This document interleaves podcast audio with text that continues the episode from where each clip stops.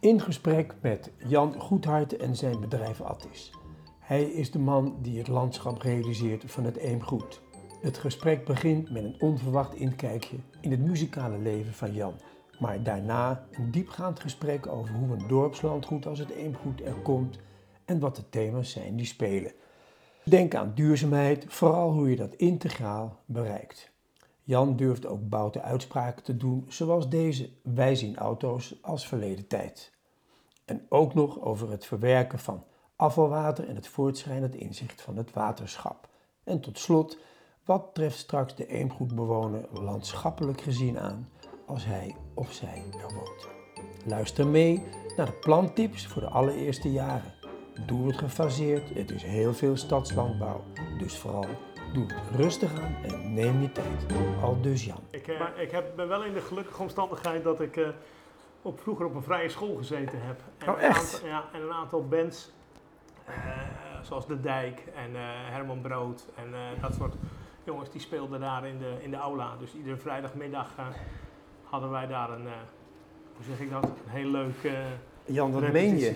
Ja. En dan zat jij een beetje achter de audioknop? Nee, nee, nee, nee. nee? Ik was een klein kind, hè. Toen was ik nog uh, 12 of 13, 14, zeg maar. Oh, dus, uh, ja, ja, ja. Ja, dat was wel leuk. Was wel leuk. Dus daar ligt wel uh, een stukje passie nog. Maar, Interessant. Ja. Want was dat de passie voor de techniek die je zag nee, plaatsvinden? met name of? muziek muziek. Zelf wetende dat ik niet, uh, niet muzikaal genoeg ben, dat ik absoluut geen uh, instrumenten of dat soort dingen ga spelen. Maar, ik heb maar wel liefhebber genoeg? Ik ben behoorlijk liefhebber van muziek, ja. ja, ja. Oh, is dat nog steeds zo? Ja, ja, ja, ja. heel breed. Ja? Van, uh, Vertel eens, waar, waar gaat jouw ja, van, passie van, van goede Nederlandstaligen en dan niet zeg maar de, de, de, de Amsterdamse muziek, maar wel gewoon goed Nederlandstalige De Dijk en uh, ja. Flowers en uh, oude Herman Brood en dat soort zaken. Tot aan uh, ja, Deep Purple en de oude kant, zeg maar. Dus, ja, leuk man. Muziek is wel, ja. muziek daar lees je van op hè. Dus, ja, dat speelt dus in jouw dagelijks leven nog steeds een rol? Ja, absoluut. absoluut. Heel veel, leuk te horen Jan. Heel veel dingen. Ja, Jan, Naast het werk is dat ook heel leuk. Zeg maar. ja, zo is het. Alleen maar werken, dat is ook niet de bedoeling. Nee, absoluut niet. Nee, ook al lijkt werk soms heel veel op hobby. Tenminste, dat is, is nou ja, als je van je hobby een beetje je werk kan maken, dan uh, gaat het je aardig in de richting, hè? ja, ja, dan blijft werken leuk, hè? Ja, zo is het. Jan, je bent uh, ondertussen aangeschoven, dankjewel daarvoor, in uh, een podcast over wonen. En we, we, praten, ik praat met mensen die professioneel met wonen te maken hebben, zoals jij. En mm -hmm. zoals Jan Houtenkamer, die we zojuist hebben gezien. Maar ik, ga, ik heb ook een begin gemaakt met praten met uh, wat, ja, wat toch woonconsument heet. Dat is een beetje badinerend, ik vind het niet zo'n heel mooi woord. Maar dat is wel hoe er soms economisch uh, over gesproken wordt. Ja. Mensen kopen, kopen een huis en dan ben je een woonconsument. Uh, Jan, jij speelt professioneel een, een, belangrijke rol in de ontwikkeling van het eemgoed. Dat klopt. Ja. Je bent civiel-technisch ingenieur. Mm, nou, bijna. Ik heb landbouw, Hogeschool van de Landbouw gedaan in uh, Ladenstein, dat is. Ja. En ik ben eigenlijk tuin- en landschapsingenieur. Dus ik hou me okay. bezig met uh, de cultuurtechnische kant, groene kant en dat soort zaken. Oh, Daar ben ik formeel in opgeleid. En ik heb in mijn avond uh, schoolopleiding heb ik een stukje civiele techniek gedaan. En ik heb een redelijk brede ja, basisopleiding ooit bij het oude Heidemij, tegenwoordig Arcades, ja. gehad. Daar heb ik zeven jaar gewerkt. En, als loopjonge tekenaar begonnen, zeg maar. Ja. En als uh, projectmanager geëindigd.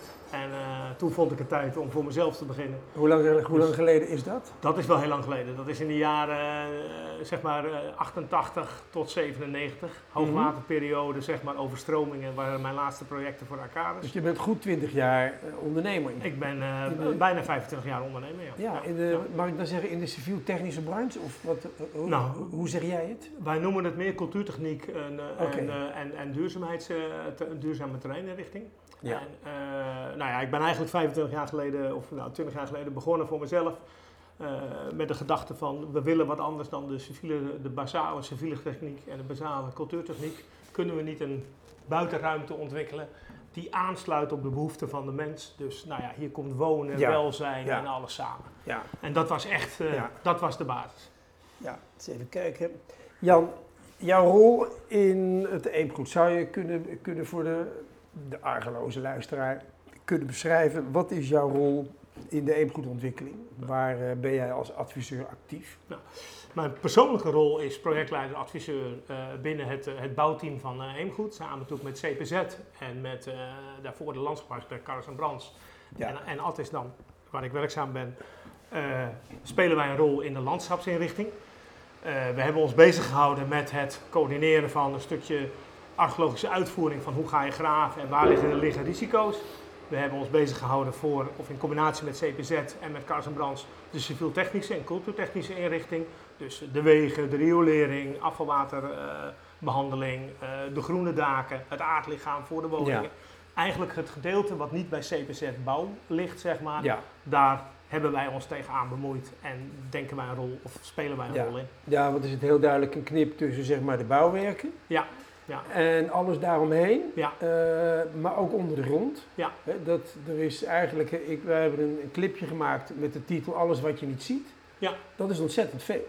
Alles wat je niet ziet is een heel groot deel van uh, waar we dagelijks gebruik van maken. Ja. Dat wordt wel eens vergeten, maar dat is, uh, dat is de essentie soms van een terreininrichting. Dat je voldoende riolering hebt, voldoende kabelleidingen, dat we, dat we onze nutsvoorzieningen hebben. Waar we met z'n allen toch een beetje aan verknocht zijn, zeg maar.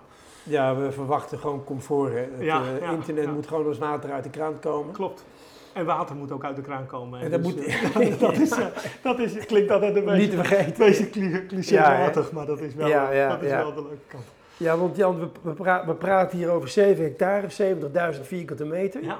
Met zeg maar, even sec benoemd, aan opstallen is het 8000 vierkante meter zijn uh, 7000 ruim aan, aan woningen en, ja. 1000 meter aan Eemhuis, Eemhuis gemeenschappelijk, gemeenschappelijk huis. Maar dat betekent dat we met even mijn rekensommetje dat we met 62.000 vierkante meter niet opstallen te maken hebben. Ja, het is 62.000 vierkante meter uh, zeg maar vrije ruimte. Ja. En als je dat alweer gaat onderverdelen, dan heb je ongeveer uh, 3000 meter kabelsloot zijn watergangen en waterpartijen. Ja. Heb je ongeveer 10.000 vierkante meter verharding. Dus uh, de longhousepaden en uh, het parkeerterrein en de voetpaden erdoorheen. En de rest is eigenlijk vrije ruimte om in te richten voor stadslandbouw of Wij voor achtertuinen en dat soort De landschapskamers. Ja. met, met natuurlijk de aanwijzing die niet vrijblijvend is van de gemeente van Oosterwold om daar stadslandbouw te bedrijven. Ja. ja. Dat, is, dat is evident. Jan, voordat we daarop inzoomen, hoe, hoe ben je nou in dit vak terechtgekomen? Nou, ik heb altijd een passie voor natuur gehad. Dat ik een, uh, als ik helemaal terug ga naar mijn jonge jaren, uh, had ik een achterneef en die was natuurfotograaf. En die uh, bracht tientallen maanden, nou dat kan niet helemaal, maar tien maanden per jaar in Tanzania en in Afrika rond. En die kwam met de meest fantastische foto's langs. Dus dat wilde ik als kind, tussen de leeuwen en tussen de hyena's. Ik kwam er helaas op mijn twaalfde achter dat ik toch geen fotograaf uh, talent had en dat ik wat anders moest gaan doen. En toen ik, ben ik er eigenlijk ingerold uh, in een stukje ja, buitenruimte bij natuurmonumenten, in wat, in wat welzijnswerk ges, ges, gestapt. Oh, echt? Hoe, was, hoe was die stap naar natuurmonumenten? Is dat in je tienerjaren? Ja, even daarvoor. daarvoor de, de aantrekkingskracht die je had voor het kleine leven, dus insectjes en muizen en dat soort zaken. Ja, neem je wat cursussen bij. En dan uh, word je vanzelf geenthousiasmeerd door die, door die mensen. Oh, wat interessant. Dus, dus als je, je natuurlijk interesse ging gewoon uit naar wat leeft en kruipt? Ja, en dat is heel langzaam doorgeschoven naar uh, terreininrichting. En, uh, en eigenlijk eerst wilde ik nog hovenier worden. Dus ik heb in mijn basisopleiding heb ik een hoveniersopleiding. Nou, het is wel een beetje een soort van hovenierschap, Jan. Wat je ja, ja, nou ja, grootschalig hovenierschap. Hè? Ja, ja, ja, ja. Dus nou ja, daar ligt, daar ligt zeg maar de basis. En uh, ik heb ook nog, omdat ik het vak toch wel wilde hebben, heb ik uh, twee jaar bij een hovenier gewerkt. En ook echt aan de schoffel en ook echt uh, in de buitenruimte. Was dat in je twintig jaren? Ja, ik wilde voelen hoe het was. Ik wilde weten hoe het is om in die klei te zitten en in weer en wind te lopen. Ik vind dat als je iets, over iets wat wil kunnen vertellen, dan moet je ook voelen hoe het, er, hoe het eraan toe gaat. Ja. Nou, en ik heb daarna uh, zat ik nog met een stukje diensttijd. Toen was de dienstplicht er nog en ik, ik, zat precies in de overgang wel of niet. Dus toen mocht ik eerst niet doorstuderen, moest ik wachten. En toen heb ik toch later, uh, na een baan gekregen te hebben bij Arcades, of toen nog Heidemij, heb ik de avondschool uh, Larenstein helemaal afgerond in Dus je begon, je was wat heet een werkstudent? Ik, ik was ja, een van de, de werkstudenten ja, uit die tijd. Ja. Dus, als twintiger zat jij al bij dat nu grote ingenieursbureau, maar dat, dat, was het toen denk ik ook al, hè? Ja, ah, ze hadden net een wat zware tijd gehad en uh, ze waren net overgegaan van Heidemij naar uh, een Heidemij advies, zeg maar.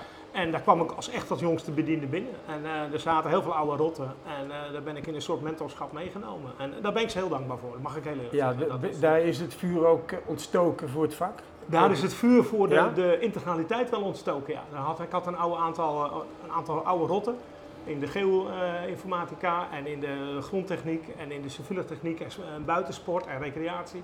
En dat werd met de paplepel ingegoten. En uh, integraliteit was daar een, een, toverwoord, maar ook echt wel een, een werkwoord. En uh, nou ja, daar uh, is het vuur ontstoken en ook zeker uh, het enthousiasme ontstaan om ooit een keer voor mezelf te beginnen. Dus, ja, wist je dat ook al vroeg? Dat, dat wist ik ook al vroeg. Ja? Ik wist dat ik een jaar of tien daar zou gaan blijven werken. En dat ik daarna toch wel de liefde voor het vak ook in combinatie met een eigen bedrijf zou willen gaan. Ja, ja dus dan een beetje het gilde wezen. Je gaat erin als leerling en dan word je, en dan word je een keer meester. En, ja, ja, nou ja, meester en dan heb je je eigen... Ja. Ja, ik ben echt bij Arcades begonnen als tekenaar. En uh, echt wat ik zeg, uh, zelf grondonderzoek gedaan, zelf klei geproefd, bomen gescand, alles, alles van onderaf aan meegenomen. En nou ja, als projectingenieur en projectcoördinator ben ik daar af weggegaan. Ja. In die 25 jaar Jan, dat je als Attis, want dat is je bedrijfsnaam, werkt. Wat, wat zijn de projecten waar je nu al terugkijkend van zegt, dat was zo boeiend, was zo leuk, dat was zo gaaf om te doen? Nou, dat zijn er wel een aantal. We, we, hebben een aantal, we zijn wel een bureau die mooie projecten maakt. Dus we, zijn ook, uh, uh, we maken heel veel duurzame projecten. Eigenlijk is altijd ontstaan om duurzame projecten te maken. Als ik dan een beetje inzoom, ja, dan zijn we trots op vestingwerken in Bos. Dat is uh, alle vestingwerken, alle, alle vestingwallen hebben we daar gerenoveerd. Van een stuk advies, voorbereiding, metseltechnieken, ecologische dingen in Den Bosch. Ja. ja. Dat is alle, eh, echt een, uh, hebben we tien jaar lang aan, aan gewerkt. Dat zijn vestingswerken, Jan, uit welke tijd? Uit de 80-jarige oorlog. Uit, uit de, de, eerste uitleg dat de Spanjaarden, zeg maar, ja. Eerst hebben ze Grollo belegerd en dat is gelukt om in te pakken. En toen zijn ze naar Zettergebos getrokken. En dat hebben ze ook helaas belegerd. En die vestingwerken speelden rond die tijd. Waren dat gebakken en uh, gemetselde stenen? Ja, gebakken gemetselde stenen. En uh, eerst waren natuurlijk uh, daarvoor, dat Zetterbos klein was, waren het aardwerken. Gewoon de gewapende grondconstructie, zeg maar, die hier nu ook voor de woningen staat. Gebruikten ze vroeger om, om aardwerken mee te maken, dus verdedigingswallen. En later zijn die natuurlijk door de stadsuitleggen gegroeid tot vestingmuren. En dan moet je echt denken aan bovenkanten van een meter breed en onderkanten van 2,5, 3 meter dik. Dus dat zijn echt serieuze... Dat zijn nog eens volumes. Toen, volumes, toen bestond er nog geen betonstaal. Maar wat was dan de structuur? Kiezel? Dus, of? Nee, de structuur, het waren helemaal in Zetterbos helemaal gemetselde muren. Dus echt door en door gemetseld. En daar hadden ze speciale metselverbanden voor.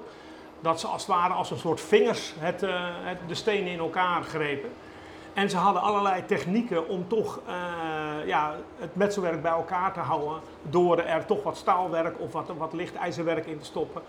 Of, uh, Ook een paar honderd jaar geleden al? Ja, een paar honderd jaar geleden al.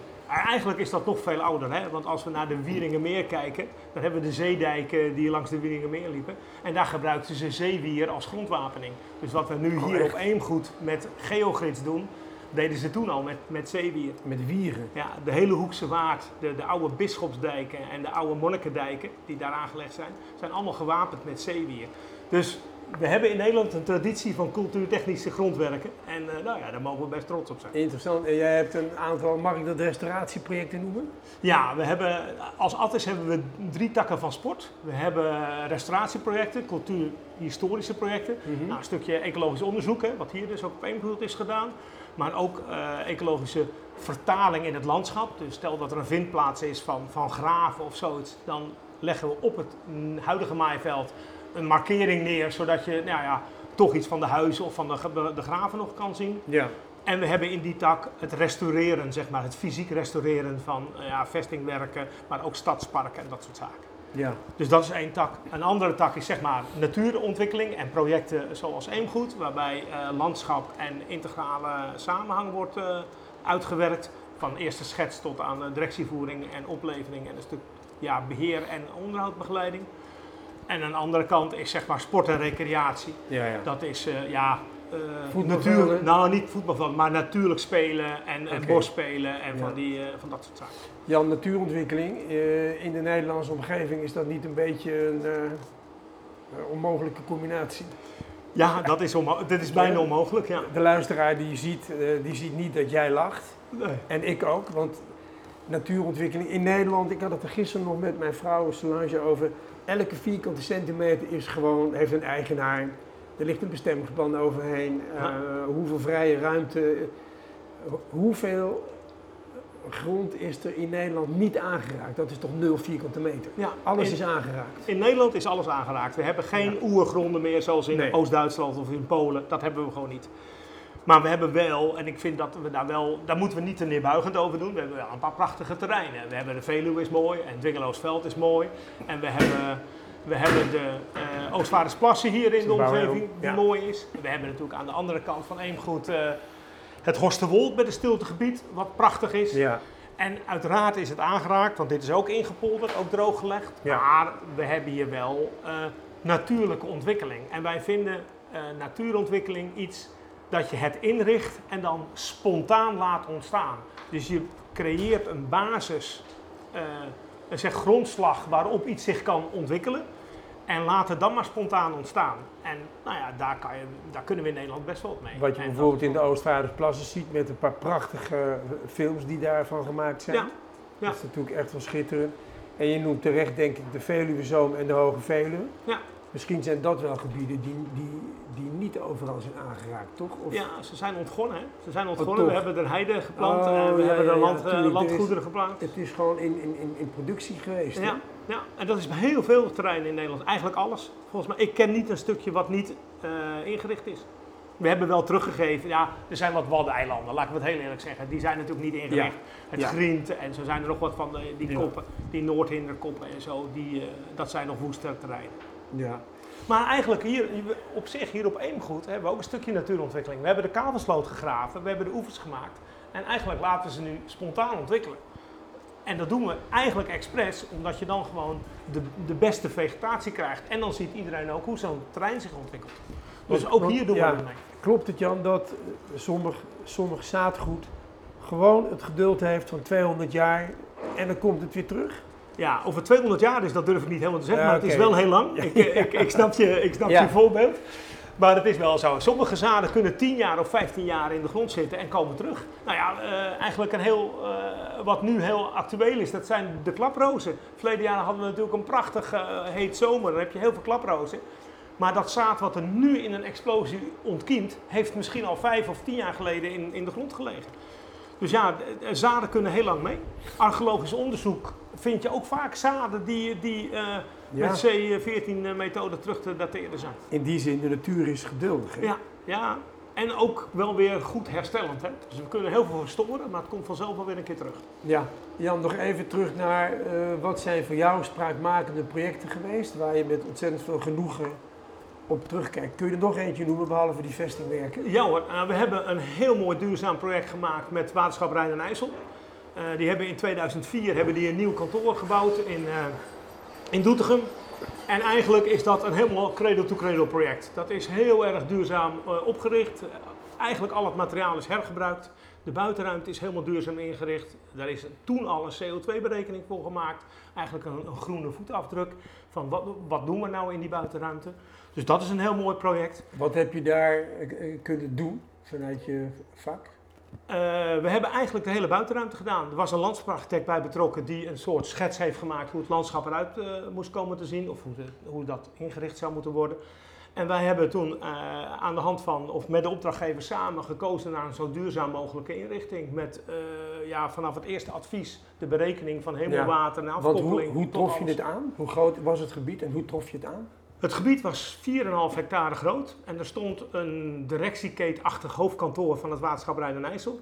En de buitenruimte was één, nou ja, een beetje woestenij, half ingericht als uh, parkeerterrein, half ingericht als oude waterzuivering. Een beetje verlopen bedrijfsterrein. Een beetje verlopen bedrijfsterrein, een beetje versleten buitenruimte. Ja. En als je er nu kijkt, is, er staat er een prachtig uh, Winnie Maas kantoor. Prachtig ontworpen en ook heel duurzaam ontworpen. En er ligt een hele mooie landschappelijke buitenruimtetuin. Een beetje het idee wat we hier ook op goed doen. Uh, heel ruig ingericht, minimalisatie uh, aan materialen voor parkeren en dat soort zaken. Looppaden allemaal half verhard. Ja, en dat hebben we van, van eerste schets zeg maar, tot aan uh, directievoering, toezicht op het onderhoud, uh, zijn we betrokken geweest. Dus dat is een, jaar of acht achter elkaar. Nou, dat wou ik net zeggen, met een doorlooptijd van acht jaar. Uh, ik wou zeggen vier jaar, maar het is gewoon twee keer zoveel. Ja, is acht jaar. We zijn een jaar bezig geweest met voorbereiding, we zijn anderhalf jaar bezig geweest met uitvoering en daarna hebben we het begeleid in het onderhoud om het, om het ook duurzaam te kunnen onderhouden. Jan, in elk vak heb je zeg maar mee- en tegenwind als ik voor mezelf spreek, maar als ik om me heen kijk, eh, of met architecten of een gesprek met bouwteam. Je hebt in elk vak heb je mee een tegenwind. Als we zonder het nog, dat kan straks het bruggetje worden naar het eemgoed. Maar in zijn algemeenheid, hè, wat zijn nou de dingen die lastig zijn in jouw métier? En wat zijn de dingen waarvan je denkt, daar heb ik voortdurend wind mee? De lastigheid is de duurzaamheid. Dat is een lastig project. Wij zijn, uh, wij zijn 25 jaar geleden een beetje als roepende in de woestijn begonnen om uh, te vertellen dat dingen ook duurzaam kunnen. En, en ook uit te leggen hoe je het duurzaam kan doen. En we merken dat iedereen over duurzaamheid praat, maar voor iedereen heeft het toch een andere betekenis. En duurzaamheid heeft ook voor heel veel mensen wel een grens. Want comfort, wat je net al zei, willen ze niet, toch niet inleveren. En uh, we willen toch met z'n allen vliegen. Hè. We gaan met z'n allen toch naar het, het, buitenland toe. Het liefst niet te duur. En niet te duur. En het liefst met een, nou ja, hè, we kennen het. Met een lekker drankje onderweg. Dat bedoel ik. En alle, alle comfort van dien. En dat is heel lastig soms voor ons uit te leggen. Dat een duurzame inrichting, ook in beheer en onderhoud. En in, in de doorlooptijd van de, de economische waarde. Veel belangrijker is dan een momentopname. Uh, nu iets duurzamer inrichten en dan het maar traditioneel gaan beheren. Daar, hier vinden we, ja, dit is een moeilijk, uh, een moeilijk standpunt. En omdat wij er ook soms heel ver in, wij kunnen er heel ver in gaan. Wij, wij, rekenen alles door en wij kunnen heel veel dingen doorrekenen. En uh, ja, dat, uh, dat is niet altijd gewenst, laat ik het maar zo zeggen. Ja, dat, kijk, dat zal ongetwijfeld komen omdat het ook niet de goedkoopste oplossing is. Hè. Dat geld is regerend, veelal. Ja. Maar in, in, in, mijn woorden, jij zegt uh, duurzaamheid, dan kijk je eigenlijk naar wat ook wel de total cost of ownership, of ik wil je ook zeggen de hele economische levensduur. Of je kijkt niet alleen maar naar hoe gaan we het opleveren, maar hoe gaan we het beheren, hoe gaan we het onderhouden. Hoe gaan we het misschien over 20 of 30 of 50 jaar weer opnieuw renoveren? Ja. ja. En wat ga je dan hergebruiken? En wat kan je niet hergebruiken? Ja. En wat ligt er nu en kan je hergebruiken voor een inrichting? En ja, dat, dat, het gaat, heel, het gaat heel, heel ver. Het gaat vanaf je CO2-afdruk tot aan stikstof. Uh, stikstof, maar ook afkoppeling, uh, hittestress, fijnstof. Uh, ja, ja, je kan het zo gek niet noemen. Je kan die lat iedere moment hoger leggen als je dat wil. Hoe ver in de toekomst kun je dan kijken, Jan? Want we praten zomaar, voordat je het weet, over 30, 50 jaar vanaf hier. Ja. Maar hoe ver kun je zeg maar redelijkerwijs in de toekomst kijken als het gaat om landschappelijke ontwikkelingen, over duurzaam inrichten? Wat is jouw, jouw, jouw vertrekpunt daarin? Wij, uh, dat ik er 25 jaar geleden overtuigend mee begon, dacht ik, je kan 50 jaar vooruit kijken. 25 jaar vallen en opstaan heeft geleerd dat je toch niet veel verder dan 5 tot 10 jaar vooruit kan kijken, omdat de maatschappelijke ontwikkeling heel hard gaat. En nou ja, kijk naar autoveer, kijk naar internet, kijk naar mobiele telefoons, hoe hard dat bij ons wegloopt. Ja. Uh, dus ja, onze horizon is wel 50 jaar wij proberen wel over de, over de, de herinrichting heen te kijken, over de nieuwe ontwikkeling heen te kijken. Maar we spreken vaak genoeg met trendsetters en trendwatchers om te kijken van wat, wat, wat is er over 30 jaar wenselijk. Ja. En die weten het al niet. Hoe zouden wij het dan wel moeten weten? Ja, dat betekent dat je toch eigenlijk zegt, 5 tot 10 jaar, dat, dat klinkt als een hele realistische horizon. We kunnen nog geen 5 centimeter de grond in kijken. Dus uh, als je vijf jaar in de toekomst kunt kijken, dan, dan ben je al bijna een visionair. Om het overdreven te stellen. ja. um, en wat in jouw vak, Jan, waar heb jij gewoon per definitie wind mee? Zou je uh, daar, kun je daar iets over zeggen? Ja hoor, daar kunnen we wat over zeggen. Uh, wij merken dat, uh, dat wij altijd zijn gestart, of dat ik altijd ben gestart. Toen hebben we gezegd, we gaan dingen integraal aanpakken. En niet alleen het woordje integraal doen, door te zeggen van nou, we pakken wonen en buitenruimte en ondergrondse infra en de belasting op het milieu pakken we als eenheid bij elkaar. En we merken dat dat, dat woord integraal wel lastig is voor mensen in het begin te begrijpen. Maar als ze eenmaal zien hoe dat in elkaar valt en dat je daar voordeel uit kan halen doordat je het allemaal naast elkaar en over elkaar heen legt. En dat je dan beter grip krijgt op je planproces, maar ook beter grip krijgt op kosten. En ook verder vooruit kan kijken. Dat je kan doorrekenen wat beheer bijvoorbeeld gaat kosten en daar keuzes op maken, ja. merken we dat dat heel erg aansluit. En eigenlijk moeten we zeggen, alle projecten die we krijgen of waar we voor worden gevraagd, hebben eigenlijk allemaal met deze integraliteit te maken. Of het nou in Zwolle is waar we bezig zijn, of nu in Breda, of in Rotterdam, of in Schiedam. Dat heeft allemaal te maken met nou ja, deze, deze werkmethode. Dat we toch heel integraal naar de projecten kijken. Heb je in die zin ook de tijd mee dat integraal denken iets is wat niet meer te vermijden is? Je, je moet, voor zover dat dan kan, verder kijken dan uh, vijf à tien jaar, maar naar het totaal en het verloop. Ja, nou, we hebben de wind mee. Uh, dat is 15 jaar geleden nog niet, zeg maar. Toen uh, was nog steeds vakdiscipline gericht is. Civiele techniek was wat anders dan, dan groene techniek. Ja. Maar we zien tegenwoordig wel dat je niet te snel weg aan kan leggen zonder dat je een CO2-berekening of een stikstofberekening laat maken. Want als dat niet klopt, dan krijg je je weg niet meer voor elkaar. Kun je dan dus- eigenlijk nog wel een asfaltweg aanleggen, Jan, met, met, met, met uh, aardolieproducten? Dat kan toch eigenlijk niet meer dan? Nee, dat kan ook eigenlijk niet meer. Nee, wij, wij, wij, we doen het toch. Wij, wij, wij maken nooit snelwegen. Dat, is een, dat zijn projecten die we niet doen. We maken, daar doen we niet aan mee. We, we vinden, uiteraard vinden we mobiliteit belangrijk, maar wij vinden eigenlijk snelwegen achterhaald. Wij vinden dat er een, een andere manier van, van verplaatsing zou moeten ontstaan. We kunnen wel blijven uitbreiden, maar dat heeft, ja, dat heeft geen zin. Nederland is vol. Ja, kun je daar iets over zeggen, over een andere manier eh, van verplaatsen? Even tussendoor. Ik laat de ramen gewoon openstaan, want met de opname gaat het goed. Maar de luisteraar, er staat op pak een beter steenworp op afstand, staat een, uh, hoe noem jij zo'n Een hydraulische kraan, een uh, grondwerk af te graven en het zand te verplaatsen. ik kan je heel goed verstaan Jan en ik kan dat achtergrondgeluid er een beetje uithalen straks. Maar ik vind het juist leuk, omdat we hier midden op de bouw zitten in de directieketen op één hoog. Met fantastische uitzicht over de longhouses in aanbouw en het grondwerk. Want dat is Van Oostrum die daar bezig is. Ja, dat is de Van Oostrum, uh, een grondwerkmaat en wegaannemer. Uh, en die, doet, uh, ja, die heeft al het grondwerk tot op heden binnen één goed gedaan. De kavelsloot gegraven, de landschapskamers ingericht. En is nu bezig met het ontgraven van de voorbelasting. Heel, een heel belangrijk klusje, oh, ja. want dan kunnen we daarna kunnen we het aardwerk gaan maken. Inderdaad. Ik had vandaag een loopje over het terrein. Ik wijd heel even uit met een bewoner en die zei, wat gaat er met al dat zand gebeuren? Ik zei, ja, dat weet ik eigenlijk niet precies. Nou ja, dat zand dat gaat terug het aardwerk in. Dus we gaan het nu ontgraven en dan uh, worden de kabels... De in. Ja, en dan worden de kabels blijft op het terrein. Ja, ja, alles wat we aanvoeren is blijvend. Alles wordt hergebruikt. Okay. Wij zijn niet van uh, aanvoeren en weer afvoeren. Beetje heen en weer rijden. Dit is, dit is echt, uh, hier is echt over nagedacht, zeg maar. Om het gewoon, een, gewoon in die duurzaamheidskarakter één keer aan te voeren en dan meerdere malen het gebruiken. Ja.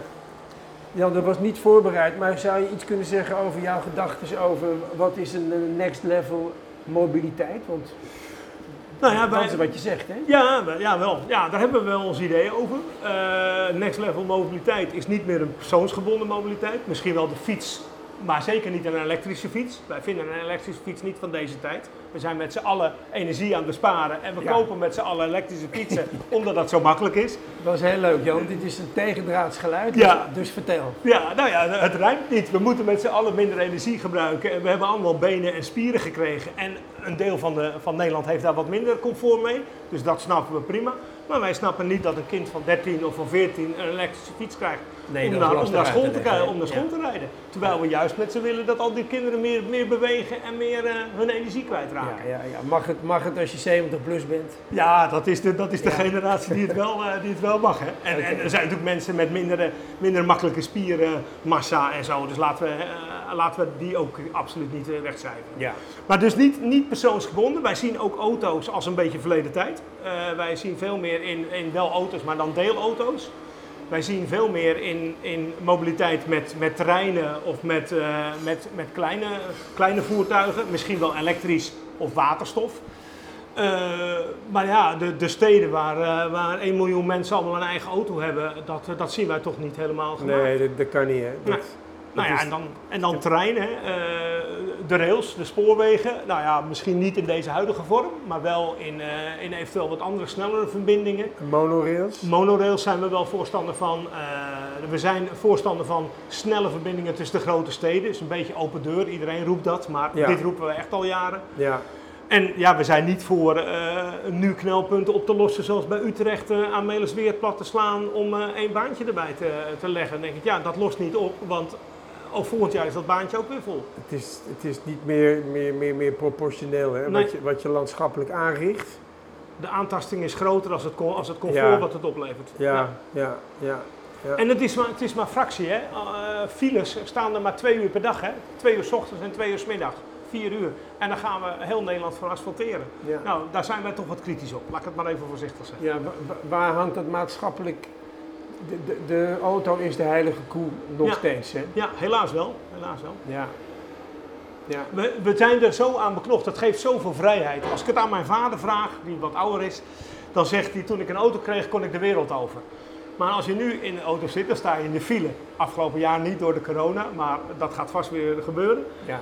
En eigenlijk zouden we daar iets anders moeten zoeken. We zouden een, een gemeenschappelijk vervoermiddel moeten hebben, de trein, die, die ons net wat anders uh, vervoert. Wat moet er gebeuren, als je het mij vraagt, in het publieke domein wordt deze discussie nog, nog, maar nauwelijks gevoerd. Wat zou er moeten gebeuren, Jan, opdat dit gesprek uh, bovenaan de agenda staat? Hoeveel infarcten moeten er optreden? Ja, dat, dat vind ik lastig te zeggen. Uh, jij hebt de, de oliecrisis van 73 meegemaakt. Ja, ik, weet ook nog wel. En dan komen we rolschaatsen op de snelweg. Op de snelweg. Jij ik was toen nog wat jonger, ik, ik ben, ben, van 66, dus uh, ik mocht niet rolschaatsen op de snelweg, leg okay. maar meteen. En er waren natuurlijk wat minder snelwegen in die tijd. Maar dat was wel een wake-up call voor ons van hey, hoe afhankelijk zijn we van olie? Nou, als je nu kijkt naar uh, de hele CO2-belasting in de wereld en, de, en alles wat er, uh, wat er verandert qua watertemperatuur en qua andere ja. vervorming, denk ik ja, dit moet ook een week op kool zijn. Ja, en, maar uh, is, het, is het nog maar nauwelijks? Nou ja, we zijn uit de corona en we beginnen meteen weer met, met vliegen. Ik hoor iedereen om me heen zeggen van ik heb mijn vliegreisje weer geboekt. En dan denk ik ja, maar we kunnen net die Himalaya zien op 200 kilometer afstand. Dus laten, we, laten we zorgen dat we dit, uh, dit, dit varkentje even op een andere manier wassen. Ja, ja er moet nog wel wat gebeuren Jan, voordat we een beetje, een beetje rustig gaan leven. Ja. We moeten ook niet doorslaan. Hè? Het moet niet, het moet niet uh, een hyperideologie worden dat we met z'n allen uh, niks meer mogen en op één vierkante meter moeten blijven staan. Maar er moet een verhouding zijn in, in onze in onze ja, leefwereld, waarbij we, waarbij we wel ons mobiel kunnen verplaatsen, maar niet uh, zoveel geweld aan, uh, aan de omgeving aandoen. Laat ik het maar zo zeggen. Ja, ja in meer dan één opzicht. Jan, uh, dit was een leuk zijstapje. Laten we even terug naar het eemgoed. Hè. Mm -hmm. jij, jij, bent een belangrijke adviespartner in de ontwikkeling van het eemgoed. Wat, en even voor de luisteraar, we zijn hier gewoon vanaf een uienveld. Ja. Ik zal het nooit vergeten. Ik heb ze nog geraapt en gegeten en klaargemaakt thuis. Heerlijke uien. Lekkere kleine uitjes, hè? Ja. ja. Uh, vanaf een uienveld, een agrarisch terrein met een uh, heel pakket zeekleider erop, mm -hmm. zijn we hier nu gewoon aan het, uh, ja, een, een, nieuw soort van landgoed, een nieuw type landgoed aan het realiseren, een dorpslandgoed. Dus we zijn vanaf de grond af aan, letterlijk, jij bent erbij geweest, begonnen. Ja. Wat in, in, dat proces hebben we natuurlijk ook weer de mee- en de tegenvallers. Wat zijn voor jou de belangrijkste, uh, uh, uh, laten we toch maar even met de tegenvallers beginnen. Wat was nou gewoon lastig hier?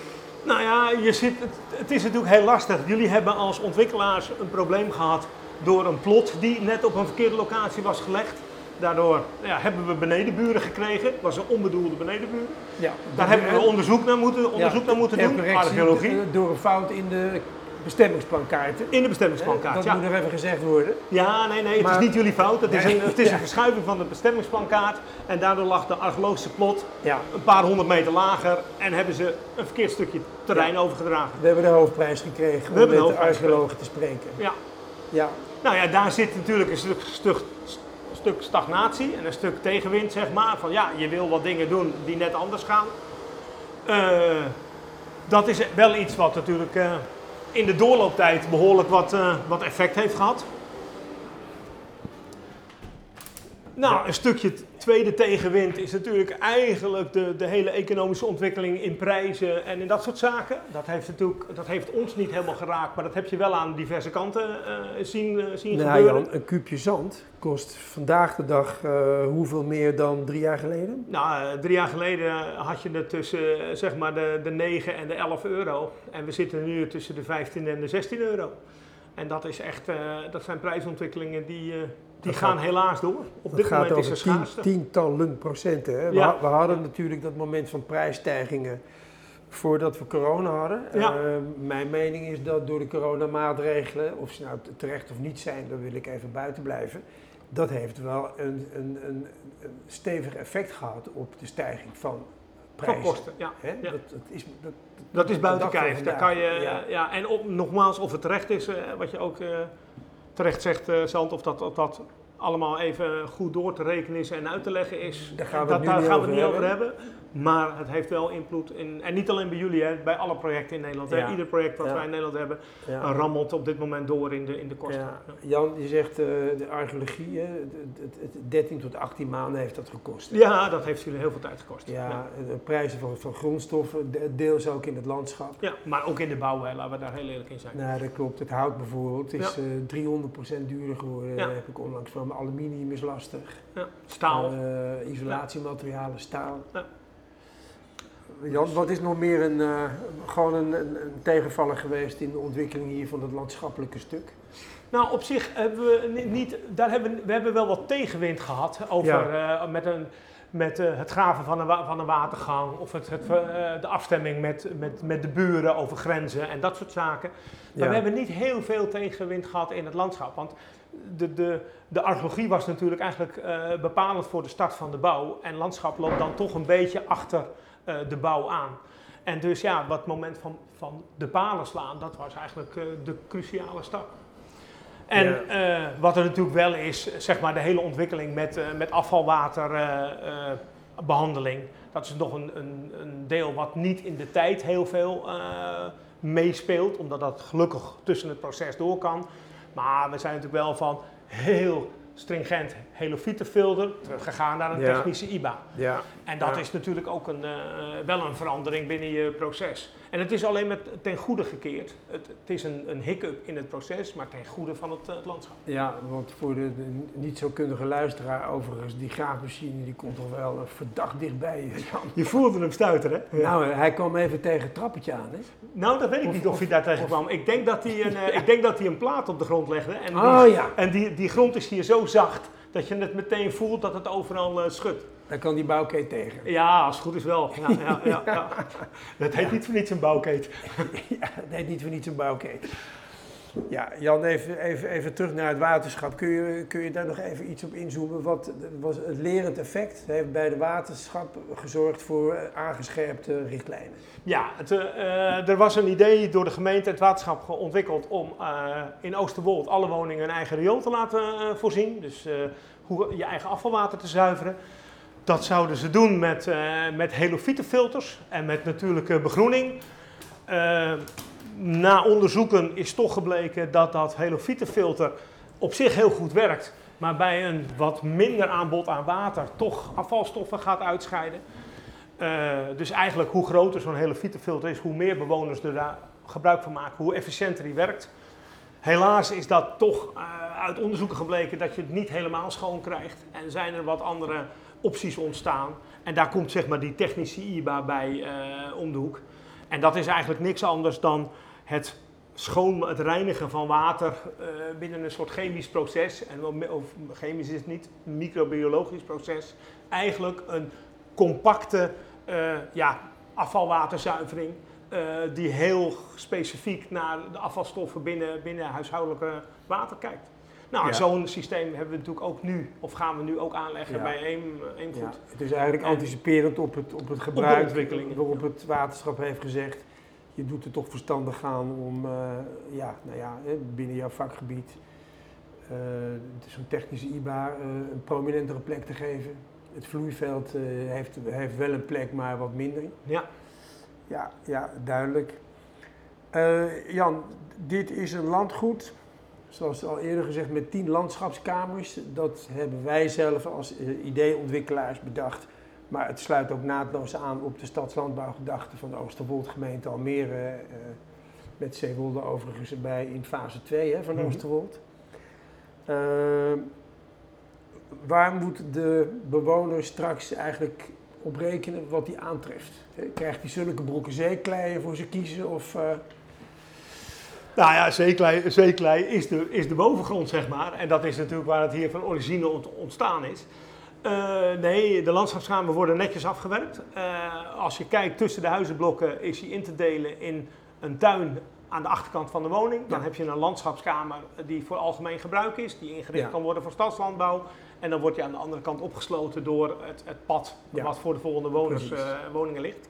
Nou, en de tuin die wordt keurig afgewerkt in met een, een aardlaag. En uh, we hebben in het grondwerk hebben we rekening gehouden met de vertering van, het, van de zeeklei. We hebben het grondwerk zo gemaakt en, en zo lang laten liggen en een paar keer omgekeerd. Ja. Zodat de zeeklei als het ware uit elkaar valt. En dan heb je geen brokken meer. Um, en dus is hij goed, goed bewerkbaar. En dat geldt dus ook voor de landschapskamer. Dat is een, gewoon een goed bewerkbare grond. Kun je, beginnen, kun je beginnen met een, met een rijtje krops laten planten? Dat kan, absoluut. Als we straks komen, dan uh, is hij mooi vlak. En uh, misschien staat er hier en daar een mooie fluitenkruid nog op te bloeien. Maar als we die eruit schoffelen, dan kunnen we zo de krop slaan, kunnen we zaaien. Hoe, hoe, uh, het planten van bomen bijvoorbeeld, wat bewoners ongetwijfeld gaan doen. Hè. Er is ook budget voor, zij het bescheiden. Maar je, je kunt met de eigen werkzaamheden voor weinig geld veel doen. Ja. Uh, slaat elk type boom in deze grond aan? Hoe moet je dat zien? Deze vraag stel ik echt als leek. Maar je kunt niet, heb ik wel geleerd, je kunt niet overal zomaar ergens iets in de grond stoppen. Nou ja, uh, iedere grondsoort heeft zijn eigen, zijn eigen beplanting. Als we door Nederland heen kijken, als we in, het in de duinen staan, dan zien we helmgras staan. En als we op de ja. Veluwe zijn, zien we dennen staan. Ja. Als je uh, in een moerasgebied zijn, uh, ziet, dan zie je berken en, en lijsterbessen en riet staan. Nou, zo ook in een zeekleigebied. Een zeekleigebied is een jong gebied, is wat nattig, vochtige grond. Uh, uitermate geschikt voor lindes, uitermate geschikt voor eiken en voor, uh, voor, uh, voor, essen, voor essen en voor nou ja, uh, wat andere soorten. Ja, fruitsoorten ook. Wel, laag, wel ja, laag fruit, uh, nee, aalbessen, uh, kruisbessen, maar ja. ook appels, peren, kersen. Ja, er zijn diverse appelsoorten die prima op natte grond kunnen groeien. de polder kenmerkt zich door grote appelgaarden en, en perengaarden, dus dat doet het hier prima. Ik zou wel naar de wat oudere Hollandse rassen gaan. Dus een beetje naar het, het het Tiel-omgeving. hè? De, de, ja, noemen ze een paar rassen als je ze al... Ja, nou, ja je, zou, je zou naar, naar Elstars kunnen gaan en Golden Delicious. En je zou natuurlijk, je hebt, wat, je hebt granaatappels. Dat is ook een, hele, een heel leuk soort om juist in zo'n landschap te zetten. Klinkt verrukkelijk. Die, die, die kan je bijna nergens meer kopen en uh, het is prima hier te planten. En dat is natuurlijk net als met peren. Iedereen kent de Conference en de, en de Bel Air. Dat is een beetje de massa peer geworden. Dat is de massa peer. Maar kijk ook even naar een, een Giese Wildeman bijvoorbeeld, die hier prima kan... Een heerlijk uh, stoofpeertje. Een heel goed stoofpeertje. Nou, en dat is eigenlijk zou je ook in deze grond zelfs nog druiven kunnen telen. Hè? Je, zit hier oh, heel, ja, je zit hier met die landschapskamers in een uh, toch wel redelijk klimaat. Uh, je hebt wel wind, maar het waait niet echt stuk. En uh, je zou heel goed een aantal ranken uh, blauwe en witte druiven kunnen zetten. En daar moet ik even de soorten uh, specifiek voor kwijt. die heb nee, ik niet dan moeten we een wijnboer hebben. Maar dan moeten we even een wijnboer hebben. Maar dat kan, het kan prima. Dat, dat is geen probleem. Ah, dat, dat, dat, klinkt goed, Jan. Wat, wat, wat zal de grootste uitdaging zijn voor de tuinierende eemgoedbewoners straks? Over de jaren heen? Ja. Nou, ik denk dat met name de schaal is wel een, uh, is wel een, uh, een, uh, een indrukwekkend iets. Kijk, iedereen heeft wel een achtertuin die 100 of 200, ja. misschien 500 vierkante meter zit. Maar dat is hier 35.000 vierkante meter. Dus 35 voetbalvelden.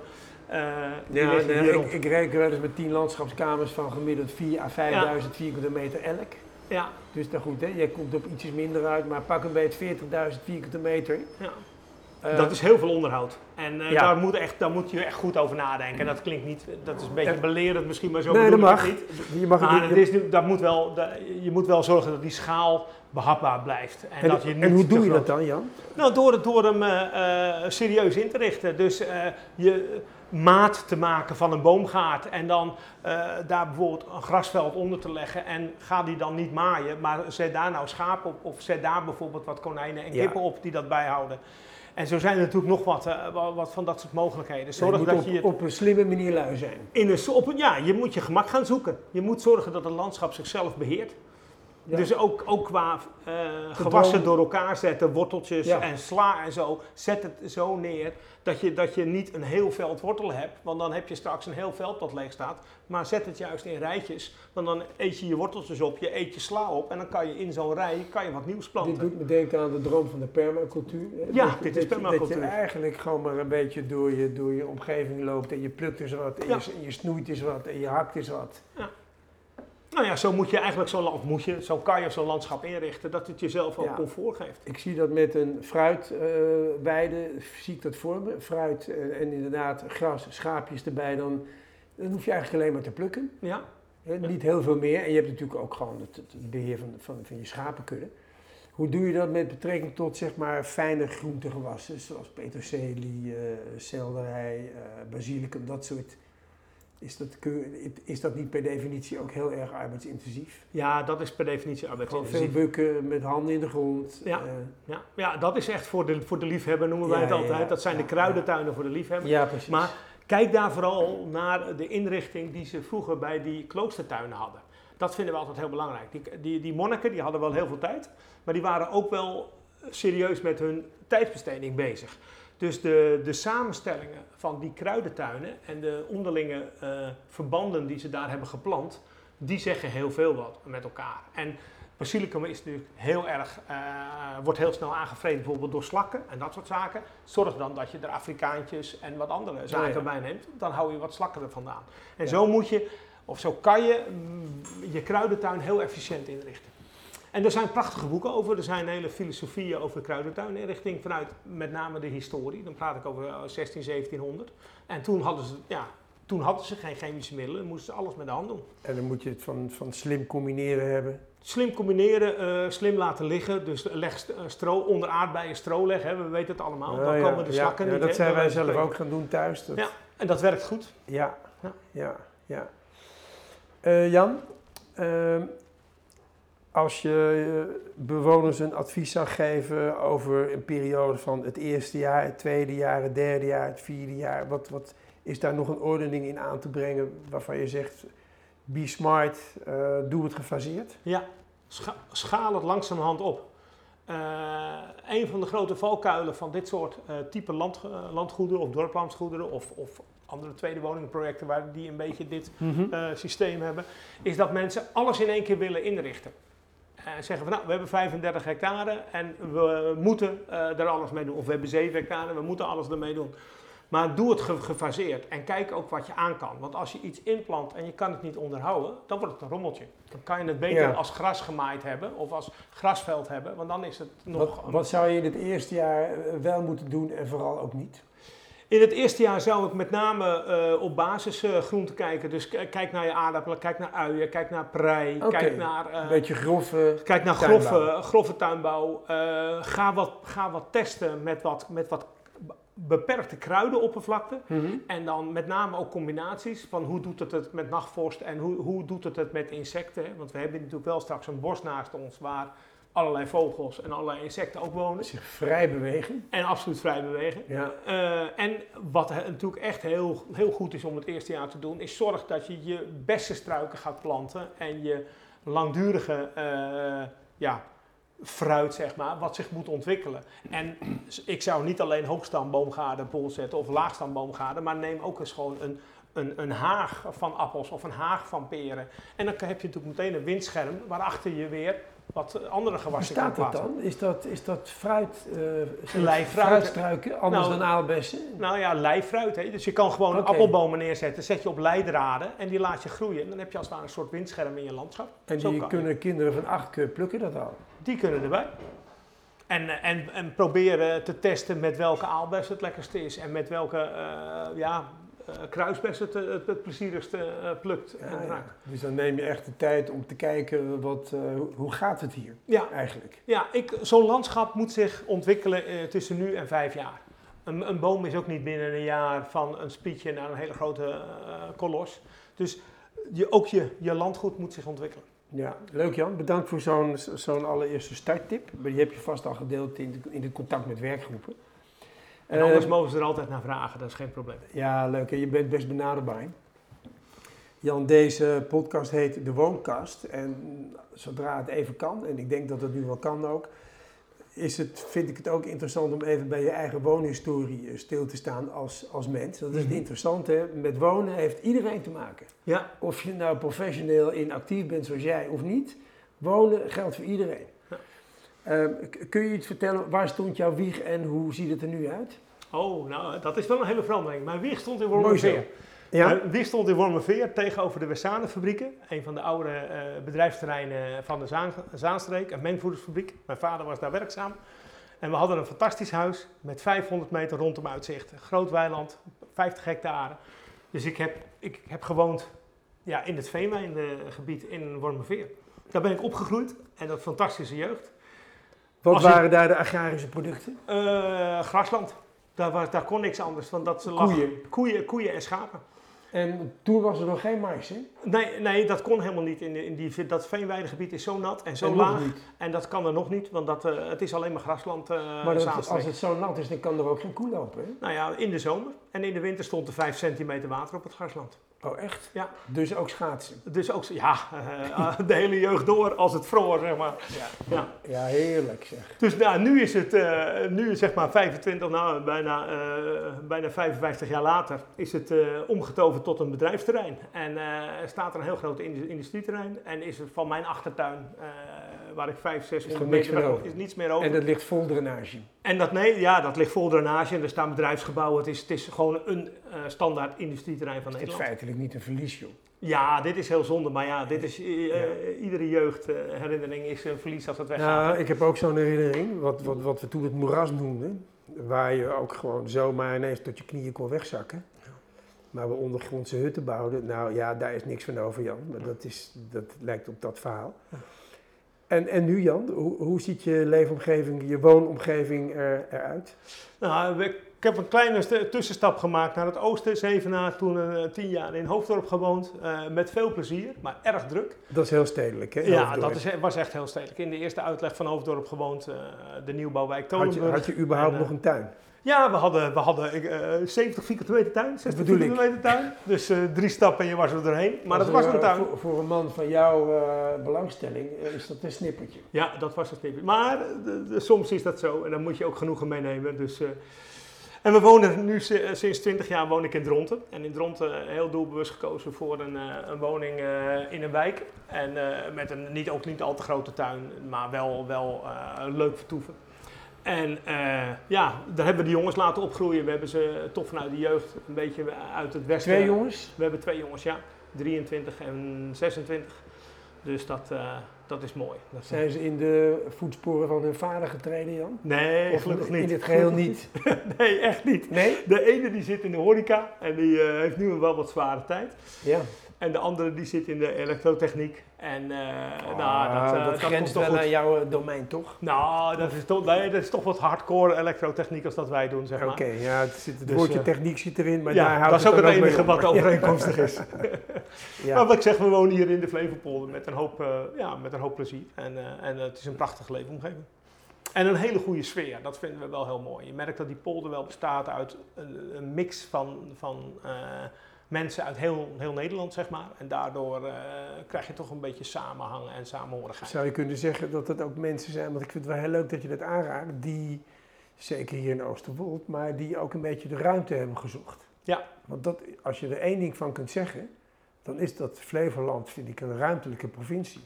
Ja, het is, het, is, het, is, het is nog steeds ruimtelijk. Je kijkt heel ver weg. En het is op zich een rustiger provincie. Het is een wat onthaaste provincie. Ook al mag je dat nooit zeggen, want ze vinden dat ze hier net zo hard lopen als in Amsterdam. Maar wij voelen het nog steeds als een beetje onthaaste provincie. En dat is wel heel plezierig. Ja, dat is fijn. Ja. Jan, dat zijn leuke woorden om mee eh, af te ronden. Heel fijn dat je dit gesprek met mij wilde hebben. En ik denk dat de luisteraars. Uh, echt iets van opsteken. Nou, dankjewel. Leuk, en, eh, uh, dankjewel. Prettige middag.